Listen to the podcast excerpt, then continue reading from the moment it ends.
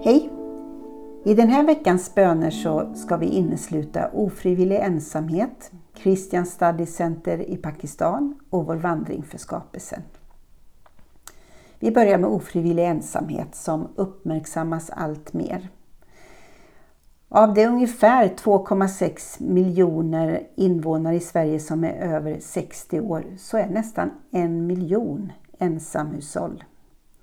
Besvär av ofrivillig ensamhet är störst bland de äldre och de unga vuxna åldersgrupperna enligt Socialstyrelsen som också fördelar medel till organisationer de tror kan arbeta för existentiell hälsa genom gemenskap. Däribland till kyrkan. Veckan som gick så deltog jag i gudstjänster och seminarier anordnade av kyrkorna på Pride. Eftersmaken är lovsång, god samtalston, en del frustration men än mer glädje och förhoppning. Ett av seminarierna handlade om kyrkorna och tvåsamhetsnormerna. Och om vi tänker gemenskap och tillhörighet tror jag vi har en del att jobba med där. Jag kan gå till mig själv. Nästa vecka firar min man och jag 20 år som gifta. Det är mitt andra 20-åriga äktenskap. Det tidigare genererade dessutom fyra barn och det har gjort att vi helt enkelt har fått vara en extended family eller stjärnfamilj. Och det var inte helt enkelt att hitta modeller för detta inom kyrkans väggar. Vad är okej och vad är inte? Hur gör man ens?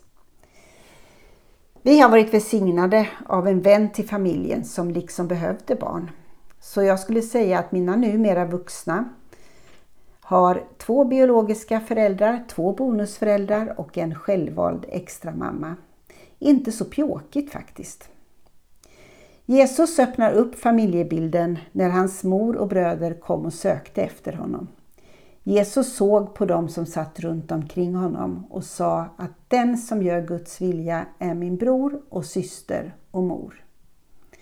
Vi utmanas av Jesus att i kyrkan vidga familjebilden och vara en miljö som motverkar ensamhet och verkar för gemensamhet och tillhörighet. I natt vaknade jag av ovädret Hans med blixtar och dunder. Det påminner mig om en annan storm, Gudrun, som härjade när jag satt på ett tåg i ett fyrasäte tillsammans med två unga muslimer och en lika ung serbisk-ortodox kvinna. När tåget inte längre kunde åka vidare hade vi redan en god stund delat våra liv, berättat vart vi var på väg och vad som skulle hända oss nu när tåget stannade. Vi pratade också om vår tro. Vi blev en liten gemenskap mitt i stormen. Olika tro och olika uttryck men lika utsatta i stormen. Ekumeniakyrkan stödjer Christian Study Center i Pakistan som verkar för interreligiös dialog, fred och harmoni. Vi ska inkludera det arbetet i våra böner, liksom deras vilja att vidga arbetet att också handla om klimat och miljö. Och vi ska naturligtvis be för våra pilgrimer som i detta nu vandrar och sjunger Härlige jorden från Älvdalen till Vadstena i Pilgrims Walk for Future och som uppmanar oss alla att ta steg för klimatet. Så låt oss be. Treenige Gud, Fader, Son och Ande.